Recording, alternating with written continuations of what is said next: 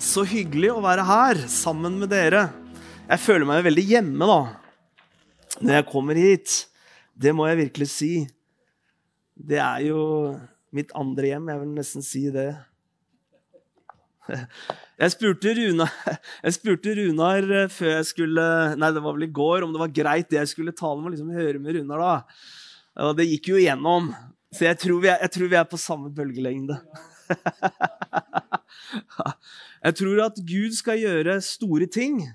Når vi samles, så er det jo sånn at vi har forventning, for det er ikke noen mennesker vi ser frem til, men det er Gud som er her midt iblant oss. Og det er veldig interessant når du leser apostlenes gjerninger, så leste du at de kom sammen, og så står det at de ba samdrektig. står det. Og Guds nærvær ble forløst, og stedet skalv, og det var tegn og under. Det var mirakler. Er det ikke det vi ser fram til, da? At Gud åpenbarer seg, og at vi får se ham. Jeg tror han vil ha en sånn menighet. Jeg tror at den menigheten som han er i ferd med å reise, er en menighet full av hans kraft og nærvær og liv. En menighet som tror at det han sier han er, virkelig, det er han. Han sier 'jeg er', og da er han i dag. Han er den samme som han var for 2000 år siden, og lenger enn det. Han vil møte oss, han vil hjelpe oss, han vil styrke oss. Og jeg tror på en sånn menighet. Jeg tror på en menighet som tror på det overnaturlige. Eller så blir vi bare en sjakklubb. Vi blir en, uh, vi blir en rotteryklubb. Om ikke Gud får lov til å gjøre sine gjerninger midt iblant oss. Og Da er det sånn at han taler gjennom sitt ord. Han uh, taler gjennom åndens manifestasjoner. Han viser seg, han synliggjør seg for at mennesker skal komme til tro, bli fylt av Den hellige ånd oppleve legedom og gjenopprettelse og gå ut den døra forvandlet. Så vi tror Gud sammen for at mennesker blir forvandlet her i dag. Har dere hørt om Amy Sample McPherson? Ble bli munnet om henne. Hun startet Four Square, eh, og hun, eh, hun eh, grunnla det pinsesamfunnet på disse tingene at Jesus frelser, Jesus helbreder, Jesus fyller mennesker med Den hellige ånd, og Jesus kommer tilbake. Og, og Hvert eneste møte så, hun tegn og under og mirakler. og var like naturlig for henne å se tegn, under og mirakler som det å leve i det naturlige livet. Og Jeg tror at Gud skal føre oss tilbake dit hvor det blir naturlig å se at Gud er en Gud som gjør sine tegn og under og mirakler i våre liv. I dag. Det er min lengsel. Vi tror ikke på teori, men vi tror på et levende liv sammen med Jesus. Og jeg er så glad i han at han møtte meg. Da jeg var 14 år, så tok jeg imot Jesus i livet mitt. Jeg glemmer det aldri. Da visste jeg at jeg var født på ny. Takk, Jesus, for det. Takk at du gjorde det. Jeg ønsker å fortsette litt. Jeg var jo her for en stund siden, og da fikk jeg egentlig knapt begynt. Men uh, jeg snakket uh, ut fra første Korinterbrev, kapittel 3. Så snakket jeg om gull, sølv og edelstener. Jeg vet ikke om en del av dere var her. Og jeg snakket om Guds visdom kontra menneskelig visdom. Og jeg ønsker egentlig å fortsette med, på det i dag. Første Korinterbrev 3 fra vers 10. Paulus han er veldig tydelig, han er veldig presis idet han legger ut ordet og forklarer at det er en stor forskjell på menneskelig visdom og Guds visdom. Og Vi tok en del rundt det forrige gang, og i dag så ønsker jeg å snakke mer eksplisitt om at det faktum at du er kjøpt ut av mørket at Gud har betalt for deg. Bibelen har en del begreper for dette. Vi skal gå litt inn i det. Dykke, ned, inn i det. Det skal vi gjøre sammen i dag. Her står det fra vers 10.: Etter den Guds nåde som er gitt meg, har jeg lagt grunnvoll som en vis byggmester, og en annen bygger videre på den. Men enhver ser til hvordan han bygger videre.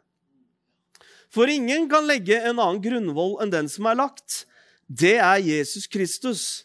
Men om noen på denne grunnvoll bygger med gull, sølv, kostbare stener eller med tre, høy eller strø, da skal det verk enhver har utført, bli åpenbart. Dagen skal vise det, for den åpenbares med ild. Hvordan det verket en, som hver enkelt har utført, det skal ilden prøve. Og det byggverket som en har reist, blir stående. Da skal en få lønn. Brenner, det, brenner hans verk opp, da skal han miste lønnen. Men selv skal han bli frelst, men da som gjennom ild. Vet dere ikke at dere er Guds tempel, og at Guds ånd bor i dere?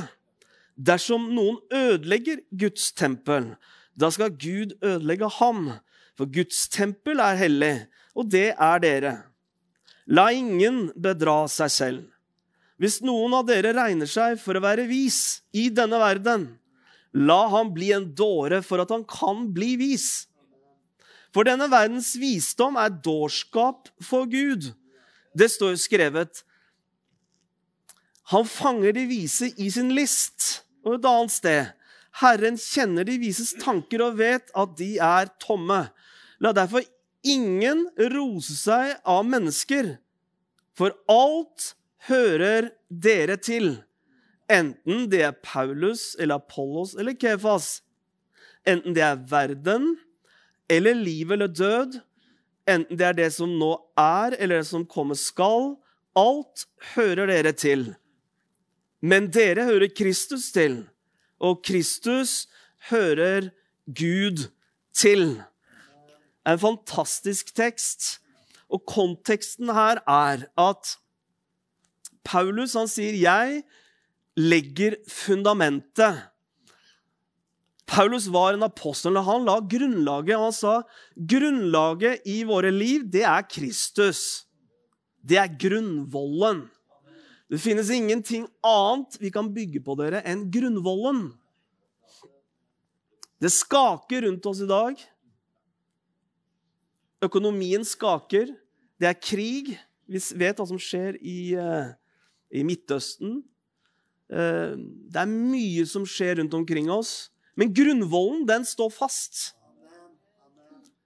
Grunnvollen er ekte og solid og hans navn er Jesus Kristus.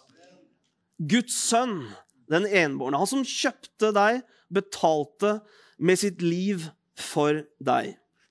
Og så står det en uh, sammenligning, og den tok vi jo forrige gang, om uh, gull, sølv og edelstener. Jeg skal ikke legge ut det på nytt igjen. Men så står det også om halm og strå og høy. Og, og det er klart at halm, strå og høy, det er menneskelig visdom. Det er det menneskelige sentrum. Det er det menneskelige kraft, krefter i sentrum, menneskelig visdom i sentrum, og ikke Kristus i sentrum. Når dette Paulus beskriver, la deg ikke bedra. Bedra ikke deg selv. Med andre ord, det er mulig å kunne leve i dag og være en kristen, være fylt av Den hellige ånd, og allikevel bedra seg selv. Det er fullt mulig å komme inn i et bedrag. Paulus beskriver det. Han sier det. Han sier jo 'la ingen bedra seg selv'. Hvis noen av dere regner seg for å være vis i denne verden, la han da bli en dåre, for at han kan bli vis. Du kan gå på de beste universiteter. Du kan ha den beste utdanning. Du kan være flink. Du kan kunne det ene og det andre, men om du regner deg for å være en som kan noen ting, en som er vis i denne verden, da sier Bibelen, da er du en dåre. Men regne deg selv for en dåre, da, så du kan bli vis.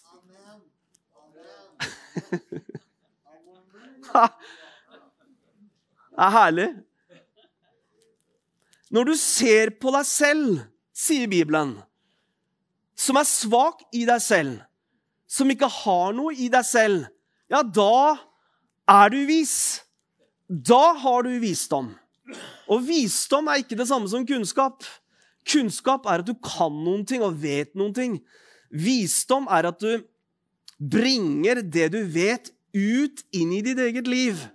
Inn i din familie. Inn i den verden du lever i. Det er visdom. Du kan være proppet med kunnskap, men du er ikke i stand til å kunne formidle det verken til deg selv eller andre mennesker rundt omkring deg. Visdom handler om å bringe Gud på scenen inn i ditt liv, inn i din familie og inn i den kontekst, setting i ditt hverdagsliv der du er. I din hverdag. Guddommelig visdom har Kristus i sentrum. Guddommelig visdom trekker fra ham. Martha og Maria valgte to forskjellige ting. Jesus var på besøk. Og Marte valgte Hun hadde jo gode intensjoner. Hun ønsket jo å tjene Jesus. Han var her. Endelig var Jesus her. Og hun ønsket å bringe fram vet du, de beste kakene og beste, beste sodaen, holdt jeg på å si. Beste kaffen. Ikke vet jeg hva de drakk. Men hun ønsket å bringe det beste til Jesus. Maria satte seg ned og ville høre hva Jesus sa. Jesus sa, 'Maria har valgt den gode del'. Ingen skal kunne ta den fra henne. Visdom er å sette seg ned ved Jesus' føtter, ta til seg av hans ord, av hans nærvær, og bli kjent med ham. Ha et fellesskap sammen med ham. Derfor sier også første Korinterbrev at vi er kalt til å ha et fellesskap sammen med ham. Du er kalt til intimitet sammen med ham. Så ønsker vi å få bedrag bort fra våre liv og leve med Guds visdom inn i våre liv. Så skal vi være opptatt av tre ting, og her bringer jo Paulus inn. Han snakker om gull, han snakker om sølv, han snakker om edelstener. Og du og jeg velger hvordan vi bygger våre liv. Og da tok jeg Forrige gang jeg snakket om at gullet består jo, eller peker på det guddommelige i våre liv. Sølvet, det er forløsningen. Det er, eh, Gjennom hele Bibelen så ser du at sølvet det er det man på en måte, det er transaksjonsmiddelet. Kostelige stener, så vi forrige gang, symboliserer både Guds rettferdighet og Guds kjærlighet. Og nå skal vi da se på mer sølvet. Hvordan vi bygger våre liv på sølv, nemlig forløsningen. Det at Gud har kjøpt deg med sitt blod. At det er fundamentet og styrken i ditt liv. Og når du ser mer av det, så begynner du å slappe av i ditt kristne liv. For da ser du at det er ikke du som skal leve ditt liv for ham, men han kan leve sitt liv i deg og gjennom deg. Det er et helt annet liv. Det betyr også at han har krav på ditt liv, fordi han har kjøpt deg, og han har betalt for deg. En gang var du i mørket, nå er du i lyset. En gang var du i djevelens grep, nå er du i Guds favn. En gang så tilhørte du en fiende som hadde makt og dominans over livet ditt. I dag så tilhører du Jesus Kristus, og han sier at han er seierherren, som har stått opp igjen fra de døde, som er Guds sønn og den evige. Han har du på innsiden av ditt liv. Han tilhører du i dag. Han har kjøpt deg med sitt eget dyrebare blod. Du trenger ikke å gå rundt og være, være redd for fienden, være redd for sykdom, være redd for mangler, være redd for ulike ting som kommer imot deg. Du tilhører en som har kjøpt deg. Han var så glad i deg. Han elsket deg så utrolig høyt. Så han ville gi det beste for deg. Han ville gi sin egen sønn. Skal vi lese en eh, lignelse som Jesus forteller i Lukas 15, 8. Denne har jo du hørt mange, mange ganger. Men det som er problemet da ofte, er at vi tror vi har lest det, så vi liksom kan det, da. Vi ser Lukas 15, 8. Der står det om sølvpengen. Jesus er her i en samtale med fariseerne, for de er irriterte på ham, for han omgås syndere. Han omgås mennesker som har utfordringer i sine liv, som om ikke de skriftlærde og fariseerne hadde det. Så han bringer tre lignelser her sånn på banen. Og så snakker han her om sølvpengen. Så står det Eller om en kvinne har hatt ti sølvpenger og mister en av dem tenner hun ikke da et lys og feier huset og leter nøye til hun finner den. Og når hun har funnet den, ber hun sammen venninner, naboer og sier, 'Gleder med meg, for jeg har funnet igjen sølvpengen som jeg hadde mistet.' På samme måte, sier jeg dere, blir det glede blant Guds engler over én synder som omvender seg. Amen, Jesus. Vet dere hva? Den hellige ånd viste meg her for en stund tilbake. Se på dette her med nye øyne. Se på, se på hva som står her. En sølvpenge som hun hadde mistet. Vi vet at sølvet representerer forløsningen. Vi vet at hun gikk og lette etter det i huset. Jeg tror det er på tide at Guds menighet leter fram igjen forløsningens budskap budskapet om Jesus Kristus, om hvem han er, hva han har gjort på korset, hva han betyr for oss. At vi bringer fram lys igjen i vårt hus, så vi kan igjen bringe mennesker til våre samlinger og glede oss sammen med dem. Hva var det som kom først? En åpenbaring om forløsningen. Hun fant det hun hadde mistet. Og når vi leser i Bibelen, når vi leser om en kvinne, så symboliserer det ofte menigheten. Om og om igjen så symboliserer det menigheten. Menigheten har mistet dere i stort. Jeg sier ikke her, men i stort så har vi mistet synet av Jesus Kristus, den levende frelser. Vi har mistet synet av korsets kraft. Vi har mistet synet av de enkle grunnsannhetene som ikke lenger er åpenbare i våre liv. Det er på tide at vi henter fram igjen, leter det fram igjen. Be Gud om åpenbaring, så vi ser, så vi forstår hvem han er, og hva han har gjort i våre liv, og hva han kan gjøre for andre mennesker. Når var det hun inviterte sine venner? Etter at hun hadde funnet mynten. Dere, når vi elter oss i budskapet om Jesus Kristus og ser han for oss øynene, ser han i Bibelen Han blir tydelig for oss. Forsoningens budskap er tydelig for oss. Gleden kommer tilbake i våre hjerter. Livet kommer tilbake i våre møter. Helse og liv kommer tilbake. Og jeg skal si deg, naboer, venner, de vil komme til oss. For de ser at han er midt iblant oss. Vi vil glede oss med mennesker som ikke er født på ny. Dette var starten her i kapittel 15, at Jesus var sammen med syndere. De ville jo være sammen med ham. Og han forteller disse tre lignelsene. Han viste meg noe interessant her for et par dager siden. Legg merke til denne, denne, denne teksten her. Den står midt imellom denne teksten som står om fårene, og så står det om far og sønn. Den kjente historien. Korsets kraft peker både tilbake og det peker fremover. I den gamle pakt særlig så lærte vi du vet, Herren er min hyrde. Jeg mangler ingenting. Gud var åpenbart som hyrden. Og det er et veldig sterkt budskap.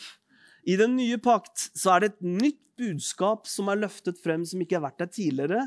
Og det er at Gud er vår far. Og at vi er sønner, og at vi er døtre av Ham. midt imellom disse to historiene så står budskapet om kvinnen som letter fram budskapet om forløsningen. Jeg skal si deg, korset peker tilbake, og det peker framover. Fra Guds ståsted så er det som om jeg mener det skjedde i går, det som skjedde på korset. Det er jo ikke tid i den åndelige verden. For deg og meg er det tid. Men i den åndelige verden eksisterer ikke tid i det hele tatt. Som andre ord, hun fant pengen. Og vet du hva som er interessant? Tallet ti. Vet du hva det står for på hebraisk? Det står for det, tota det totale. Det totale. Dere, når vi får budskapet tilbake, så kommer det totale til syne. Og jeg lengter etter en ny åpenbaring, en frisk åpenbaring om forløsningen. Om Golgata kors, om Jesus Kristus, om hvem han er, hva han har gjort, og hva han betyr for oss. Det er det sentrale i våre liv. Det kommer en ny åpenbaring. Det kommer en, en, tydelig forståelse av Kristi verdi og betydningen av hvem han er. Det kommer. Jeg kan se det tydelig. Og jeg tror også du merker det på innsiden at før Jesus kommer tilbake, så må det komme en ny friskhet, åpenbaring om hvem han er. Den ektemannen tross alt som vi er ektet med. Han kommer nemlig tilbake for å hente sin brud. Skal vi lese i første krønikebok, 21,9. Og da vet vi det at når vi leser om personer og situasjoner og I Det gamle testamentet så har det ofte i seg hemmeligheter. Det har ofte i seg betydning som gjelder for oss i dag som nytestamentlige kristne. Og jeg elsker jo selvfølgelig å lese om David. David er fascinerende. Men her, her er han virkelig ute å kjøre. David var, hadde et vitnesbyrd. Han var en mann etter Guds hjerte. Og han gjorde mye rart. Men Guds nåde er rik. Heldigvis. Guds nåde er rik. Eh, og her er det sånn at han hadde gjort en folketelling. Du kan se fra begynnelsen her i 21, en folketelling som han absolutt ikke skulle foreta seg. Det står at Satan egget ham, står det. Satan betyr motstander. Du har en motstander som vil gjøre livet surt for deg, som vil egge deg til å gjøre visse ting som du egentlig ikke bør gjøre. Og David han eh, var ute å kjøre. Han, han øh, gjorde det han ikke skulle gjøre. Og da var det slik at i den gamle pakt, for David levde i den gamle pakt, så kommer det en dom. Og, og, og Gud sier til han at vel, du kan velge, du kan velge om du vil falle uh, i uh, dine fienders favn. Uh, vi kan lese fra vers 9, da. 21, 9. Men Herren talte til Gad Davids seer og sa:" Gå tal til David og si:" Så sier Herren, tre ting forelegger jeg deg. Velg en av dem, så vil jeg gjøre det du vil. Så kom Gad til David og sa til ham, så sier Herren, velg nå, enten hungersnød i tre år, eller legge under for dine motstandere i tre måneder, så du ikke kan komme unna dine fine sverd. Eller at Herrens sverd og pest skal komme over landet i tre dager, og Herrens engel skal volde ødeleggelse i hele Israels rike. Tenk nå etter hva jeg skal svare ham, som har sendt meg. David sa til Gad, jeg er i stor nød, men eh, la meg helst falle i Herrens hånd for hans barmhjertighet er stor, men uh, i menneskers hånd vil jeg nødig falle. Det bare, og det er jo interessant. ved David skjønte at Guds nåde og barmhjertighet er rik, så han ville iallfall falle i Herrens hånd. Uh, og du vet, David han hadde en nytestamentlig mentalitet, men han levde fortsatt i den gamle pakt. Det er veldig interessant å se, altså. Han skjønte hvem Gud var når det gjaldt Guds nåde og Guds barmhjertighet. Men fordi han levde i den gamle pakt, så måtte det komme en dom, og han måtte velge. Så står det videre. Så lot Herren det komme en pest i Israel, og det falt 70 000 mann av Israel. Tenk deg det. Her har vi en mann altså, etter Guds hjerte. 70 000 mann av Israel falt da ved denne anledningen. Og Gud sendte en engel til Jerusalem for å ødelegge byen. Men da han holdt på med å ødelegge den, så Herren det, og han angret det onde og sa til engelen som gjorde ødeleggelsene, det er nok! Dra nå din hånd tilbake. Herrens engel sto da ved jebusitten Ornans treskeplass. Ok, Så Gud, fordi det er i den gamle pakt, så var det nødvendig med en dom. Gud hadde satt de reglene selv. Mennesket valgte denne veien. Men Gud sier stopp! Det er nok, sier han. Stopp! Det er nok. Han så på det som kom til å skje. Gud er ikke opptatt av ditt liv med å bringe dommer inn i ditt liv, straff inn i ditt liv. Han er ikke opptatt av å gjøre livet surt for deg. Faktisk så er det sånn at all dom er møtt på korset. Gud kan ikke annet velsigne deg. Fordi all dom ble tatt, all straffedom ble tatt på korset. Jesus han var det endelige og det fullkomne offeret. Og fra himmelen så var det ild som falt, og Gud selv sørget for å slå sin sønn på vegne av deg og på vegne av meg. Han elsket deg så høyt, sånn at han ga det beste han hadde. Så Gud dømmer ikke deg og meg i dag i den nye pakt. Gud kan bare velsigne deg og meg i dag i den nye pakt. Og Det er viktig at vi skjønner det. For det er en del mennesker også fra prekestolen som taler om at Gud dømmer. Guds dom er i dag at Guds nåde har kommet inn i ditt liv. At ditt liv er skjult med Kristus i Gud. At du er velsignet med all åndens velsignelse. At han som bor på innsiden av deg, er større enn han som er i verden. At når han ser deg, så ser han deg som sin edelsten. Det er Guds dom over ditt liv i dag. Han sier 'det er nok', sier han, når han ser over denne situasjonen. Herrens engel sto da ved jebusitten Ornans treskeplass. David løftet blikket.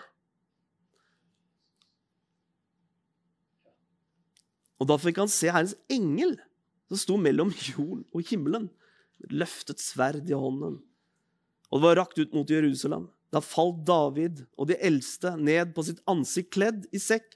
Og David sa til Gud, var det ikke jeg som bød at folket skulle telles? Det var jeg som har syndet og gjort ille. Men denne min jord, hva har de gjort? Herre min Gud, la heller din hånd komme over meg og min fars hus, men la ikke pesten ligge over ditt folk. Da sa Herrens engel til Gad at han skulle be David gå opp og reise et alter for Herren på jebusitten Ornas treskeplass. Så gikk David dit opp slik som Gad hadde sagt i Herrens navn. Da nå Orna vendte seg om, fikk han se engelen og hans fire sønner som var med ham, gjemme seg. Ornan holdt nettopp på med å treske hveten. David kom til Ornan, så Ornan ut og fikk se David. Så gikk han ut av treskeplassen, kastet seg ned for Davids David med ansiktet vendt mot jorden, og David sa til Ornan, hør nå, la meg La meg få det stedet hvor du har treskeplassen din, så jeg kan bygge et alter for Herren der. La meg få det for full pris, slik at prisen kan bli tatt bort fra folket. Han ville kjøpe denne treskeplassen for full pris. Vet du at dette stedet er det som i dag er tempelplassen? Tempelet står i dag på den plassen. Så rent hva skal vi si, geografisk Det som skjer, er senere at David kjøper dette stedet for full pris. Det tilhører jødene. Det er kjøpt. Jeg vet ikke åssen det er med deg, men når du kjøper et stykke land, eller du kjøper en eiendom, så har du en kontrakt, et skjøte, du har betalt full pris. Det tilhører deg. Det tilhører jødene. Men det taler også om tempelet som deg og meg. for vi er i dag Guds tempel. Profetisk så sier David kjøper det for full pris. Jeg vil kjøpe det for full pris. Senere skulle Gud gi sin sønn for deg og meg. Full pris. Full betaling. Han kjøpte deg og meg for full pris. Og jeg skal si deg, vi snakket på telefon i går, det var ingen rabatt der. Det var ingen nedbetaling der. Det var ikke noe mindre liksom knuslete der. Han gav det beste himmelen eide, og han kjøpte deg og meg tilbake for full pris. Ah, det gjør noe med din tro om du kan se det her. David eh, var en konge, han var også en profet og sto i det profetiske.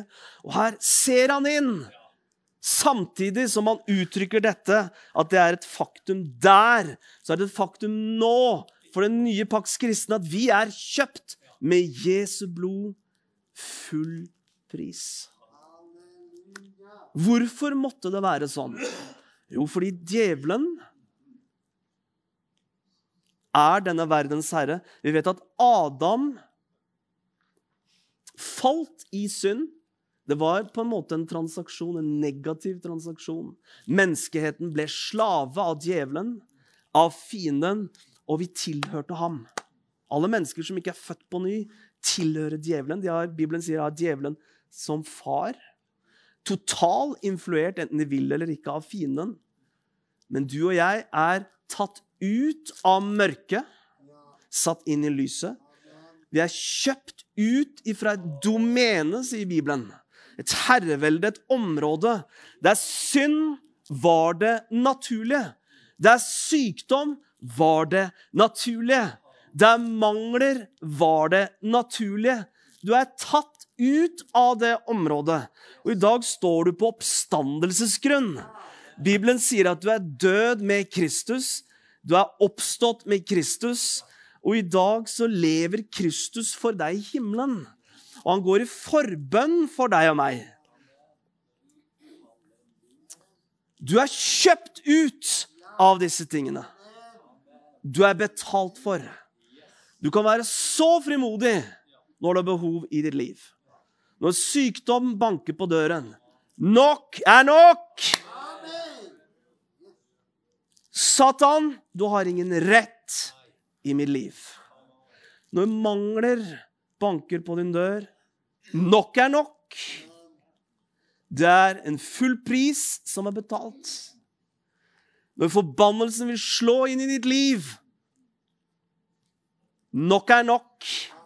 Det er betalt full pris. Du er blitt betalt for. Og når du begynner å tale ut disse sannhetene i åndens verden, Hør nå, så må fienden gi etter. Sykdom må gi etter. Mangler må gi etter. Priser deg, Jesus. Takk, Jesus, for det. Det er en full pris.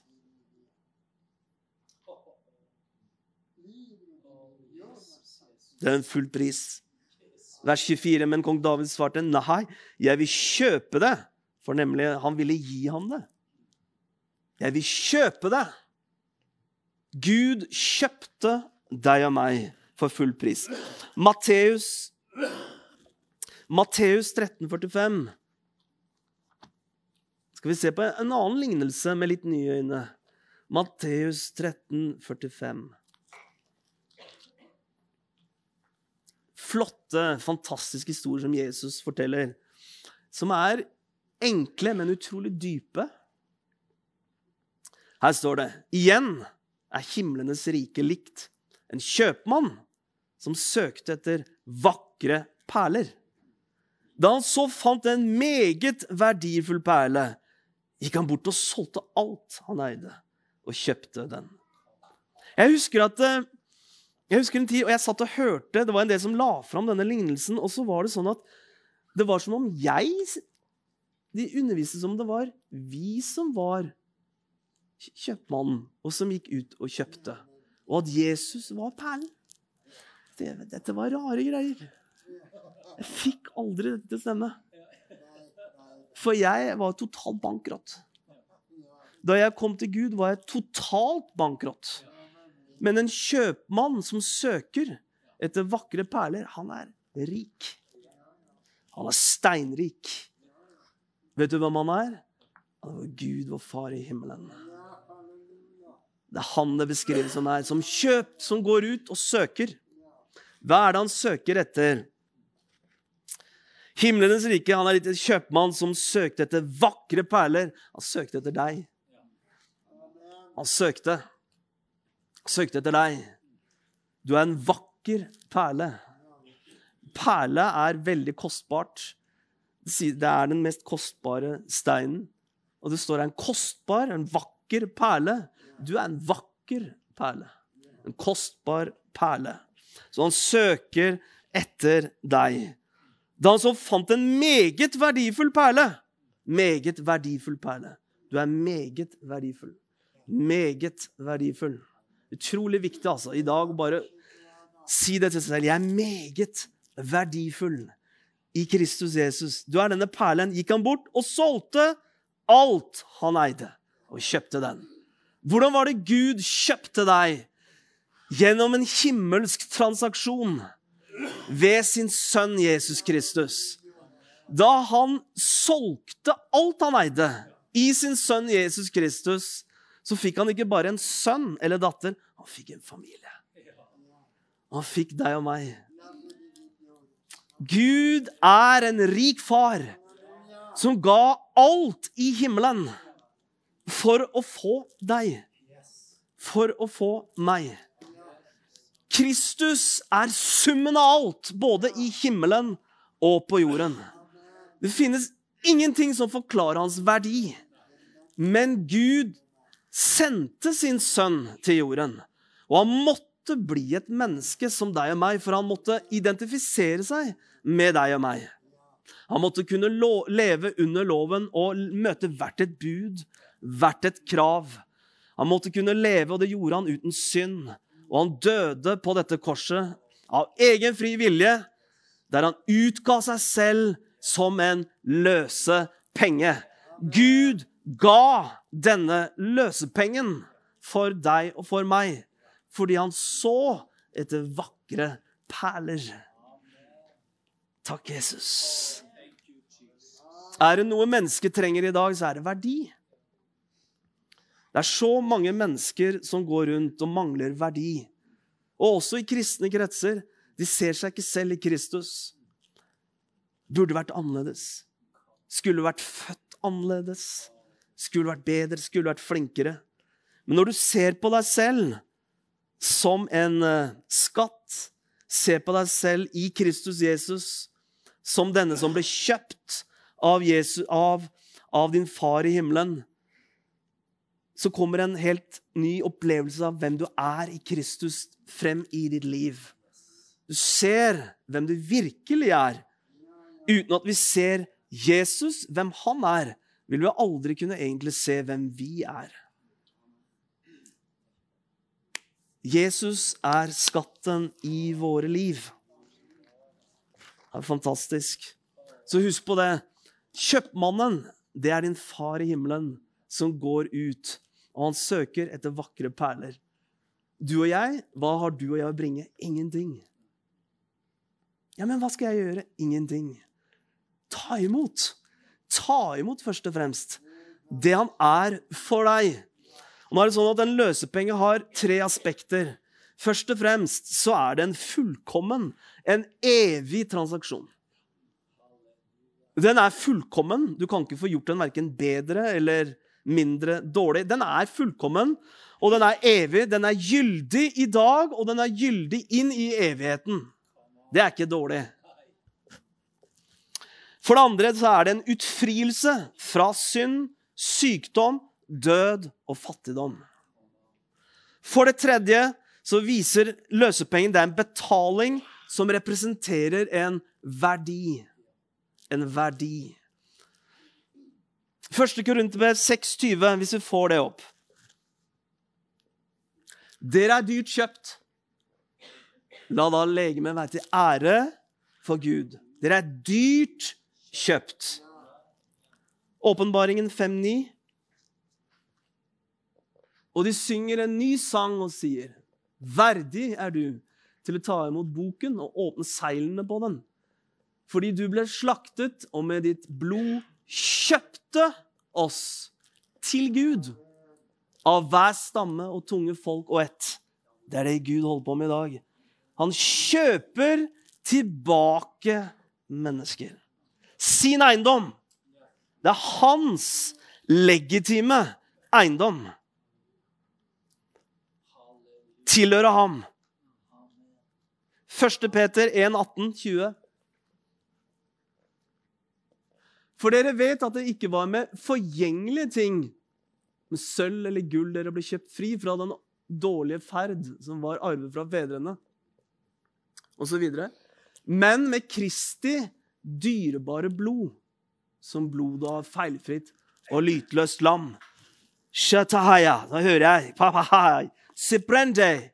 Det kommer en ny tid da åpenbaringen om Jesu blod blir tydelig og sterk. Det kommer en tid da blodet igjen trekkes fram, der det undervises, der det forkynnes, og der det proklameres om betydningen av Jesu blod, om verdien av Jesu blod. Og mennesker vil bli satt fri. Mennesker vil bli satt fri. Mennesker vil bli satt fri. Det er løsemiddelet. Det er løsepengen. Det er transaksjonen. Jesu blod. Kjenner vi betydningen av det? Har du lest om Jesu blod?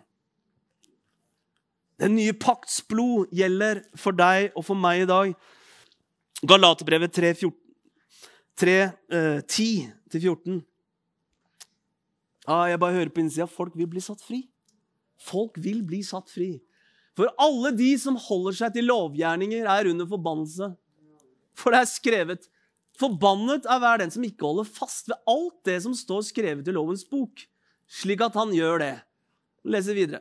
Og at ingen blir rettferdiggjort for Gud ved loven. Det er klart, for den rettferdige av tro skal leve. Lese videre. Og loven har ikke noe med troen å gjøre. Men der heter det 'den som gjør det, skal leve ved det'. Vi leser videre. Kristus kjøpte oss fri fra lovens forbannelse. Wow. Kristus kjøpte oss fri fra lovens forbannelse ved at han ble en forbannelse for oss. For det som skrevet, forbannet er hver den som henger på et tre. Kjære venn, du er kjøpt ut med Jesu blod fra lovens forbannelse. Du er kjøpt løs fra åndelig død, sykdom og fattigdom. Tre grunnleggende elementer som lovens forbannelse var. Fra åndelig død. Du skal leve en evighet sammen med din far i himmelen, som elsker deg. Snart kommer Jesus tilbake. Amen. Han kommer nemlig tilbake. Det er noen som ikke tror det. Han kommer tilbake og skal hente dem som tror på ham. Han har kjøpt deg fri fra sykdom. Sykdom kan angripe. Sykdom kan komme inn i ditt liv og inn i din familie. Men objektivt er det et faktum Gud har kjøpt deg ut av sykdom. Sykdom er under dine føtter. Svakhet er under dine føtter. Manglende helse er under dine føtter. Du er ikke under loven. Om du prøver å få det til med egne på en måte, ja, dine egne hender og ditt eget liv og alt hva du er, vel, da er du under loven. Men aksepter det at du er kjøpt ut. I dag er du under Guds nåde. Det er en ny paraply du står under. Du er kjøpt ut av lovens forbannelse. Du tilhører ikke lenger lovens forbannelse. Du er velsignet i dag. Si, si høyt 'Jeg er velsignet'. Ja, si det så du tror det, da. Jeg er velsignet med all åndelig velsignelse. Jeg er velsignet med Abrahams velsignelse. Uh, Abrahams velsignelse kommet inn i mitt liv. For jeg er ikke lenger under lovens forbannelse. Det er sterke saker. Skal vi avslutte med en historie i Lukas kapittel 7? Jeg tar og bare skummer fløten, selvfølgelig. Men uh, du får noen tanker fra meg. Vi snakker om det å bli kjøpt. At du allerede er kjøpt tilbake. Kvinnen i Simons hus. Den historien står i Lukas 7, vers 36. Den kan du studere på egen hånd når du kommer hjem. Jeg tar ikke tid til å lese hele den historien. Men grunnleggende så er dette en historie. Jesus han kommer hjem til Simon. Simon han er fariseer. Og det er klart Han tar en ganske stor risiko som fariseer. Han var nok veldig nysgjerrig ved å invitere da, Jesus inn i sitt hjem, inn i sitt hus. Og Det står at Jesus lå til bords der. Det står at det var en synd, synderinne i, i, den, i den byen som hørte at Jesus lå ved bordet inne i dette huset. Hun hadde hørt at Jesus var der. Hun visste at Og hun tok en stor risiko i sitt liv ved å komme inn her. Tenk deg hva hun følte i sitt liv. Hvor mye negative ting hun hadde fått fra mennesker rundt seg. Hvor lite selvaksept hun hadde. Hvor nedverdigende det livet hun levde, var. Men hun kommer inn i dette huset til Simon. Så her har du Simon, du har Jesus, og du har denne damen. Og denne damen begynner å kysse føttene til Jesus. Vi kjenner historien. Vaske med sitt hår. Hadde med seg en alabastkrukke. I dagens verdi ville det vært en årslønn cirka. En god årslønn. Hun hadde den med seg inn, og hun begynte å salve føttene til Jesus. Hun hadde en enorm respekt og enorm kjærlighet til Jesus. Hun visste det, at her var det en mann som ikke utnyttet, utnyttet meg. Men her var det ikke bare Davids sønn, her var Guds sønn. Du vet at Jødene de erkjenner jo eh, Messias-skikkelsen, Davids sønn. Men Guds sønn har de mer problemer med. Men hun kjente dette, skjønte dette. Og her var hun, og hun opplevde Guds nærvær, Guds herlighet, Helligånds salvelse. Ordet var her til stede i en menneskelig skikkelse. Og så fikk det denne fariseeren noen tanker. Visste denne kvinnen Nei, den, Jesus hvem denne kvinnen var så ville ikke han latt henne gjøre disse tingene. Og selvfølgelig så, så Jesus tvert igjennom hans hjerte, visste nøyaktig hva han tenkte. Så han forteller en historie. Og han forteller om det var en eh, pengeutlåner som lånte til to skyldnere, to stykker. En 50 denarer og en 500 denarer. Og det er mye penger. Og så sier Jesus, og det er klart det er to stykker. Hvorfor er det to? Han peker selvfølgelig på fariseeren peker på kvinnen. Det var to stykker. Og så sier, eh, sier, jo Jesus i denne historien Han spør da ja, hvem tror du elsker meg mest, for begge fikk sin gjeld tilbakebetalt.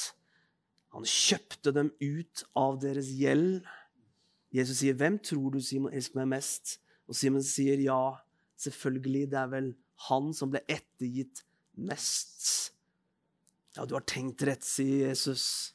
Du har tenkt rett. Sitter det noen her som har blitt ettergitt mye? Jeg er blitt ettergitt veldig mye. Jo mer du ser at den gjelden var stor i ditt liv, jo større vil kjærligheten til Jesus være i ditt liv. Simon tenkte at han hadde ikke så mye på samvittigheten. Han var jo fariseer. Han kunne jo Toraen. Han var jo vel sett, han var erkjent. Han kunne Bibelen. Han tenkte sikkert om seg selv at 'jeg har det'. Jeg har ikke gjort så mye synd. Men eh, hun, den kvinnen der, du skulle bare visst. Men denne kvinnen æret Jesus med det beste hun hadde. Det sier Jesus nemlig i denne historien. kommer klart tydelig. Det beste hun hadde. Hvorfor gjorde hun det? Jo, fordi hun erkjente at hun hadde blitt ettergitt så stor gjeld. At hun hadde blitt kjøpt ut av en stor gjeld. Hun visste det. At hun hadde ingenting å komme med. Derfor gir hun det beste. Du vil gi det beste når du ser at du kommer fra en plass av total, total negativ bankkonto. Du vil gi det beste til Jesus når du ser at du mye er tilgitt. Er det noen som er mye tilgitt der i dag? Mye tillit. Identifiserer du deg med Identifiserer du med han med 500 narer eller 50? 500, 1000, 2000, 3000. Jeg håper du sier det. Nja 50-20, kanskje, sier du. Vet du hva? Den gjelden som vi skyldte, den var bunnløs. Det var aldri mulig for oss å kunne betale den gjelden tilbake. Men han valgte, fordi han elsket deg og meg så høyt, av egen fri vilje, å betale med sitt eget liv, med sitt blod, gjennom korset, gjennom forløsningen. Derfor leste vi 'Det er nok'. Det er betalt. Du er fri til å kunne tjene Jesus av hele ditt hjerte. Dere, la oss ikke være farisere. La oss ikke være skriftlærde. La oss være som denne kvinnen som kommer og bringer det beste til Jesus fordi vi har mottatt det beste. Har du mottatt det beste, da blir det en respons å bringe det beste tilbake. Har du fått tilgivelse for mye, da blir det en respons å bringe tilgivelse til andre mennesker. Fordi han først har tilgitt deg, så kan du også tilgi andre mennesker. I dette er Guds kjærlighet ikke at vi elsket han, men at han elsket oss og gav seg selv for oss. Guds kjærlighet, sier Bibelen, er utøst i våre hjerter ved Den hellige ånd. Guds kjærlighet bor på innsiden av deg på grunn av at du er kjøpt ut, du er betalt for, og du tilhører Jesus Kristus.